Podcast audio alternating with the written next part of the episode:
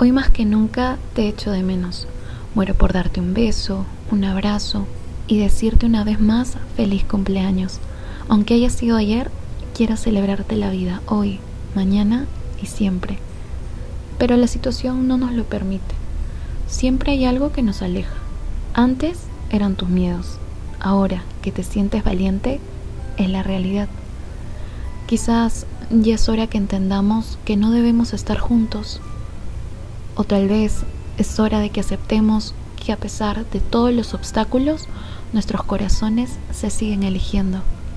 Tú no lo sabes, pero varias veces te he llamado con la mente, en especial cuando discutíamos.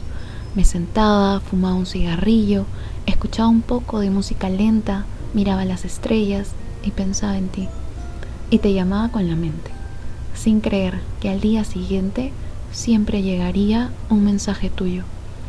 A veces creo que estamos locos y otras lo confirmo. Y me encanta, me encanta estarlo y que me acompañes en eso. He querido olvidarte, te lo juro. Eres testigo de mis más de mil y un intentos por alejarte. Me replanteé muchas cosas en mi vida. Estaba decidida a dirigirla a un sentido totalmente opuesto al tuyo. Pero la vida una vez más se ríe de nosotros y me vuelve a poner cerca a ti.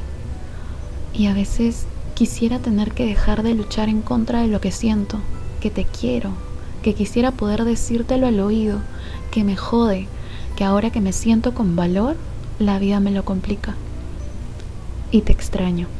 Hoy, en plena cuarentena, día 3, siento que te extraño aún más.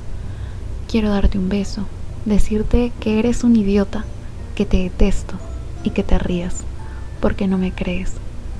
Esta te la escribo a ti, mi niño, ojos arcoíris, ojos que hipnotizan, que me hicieron perderme en ellos para encontrarme en ti.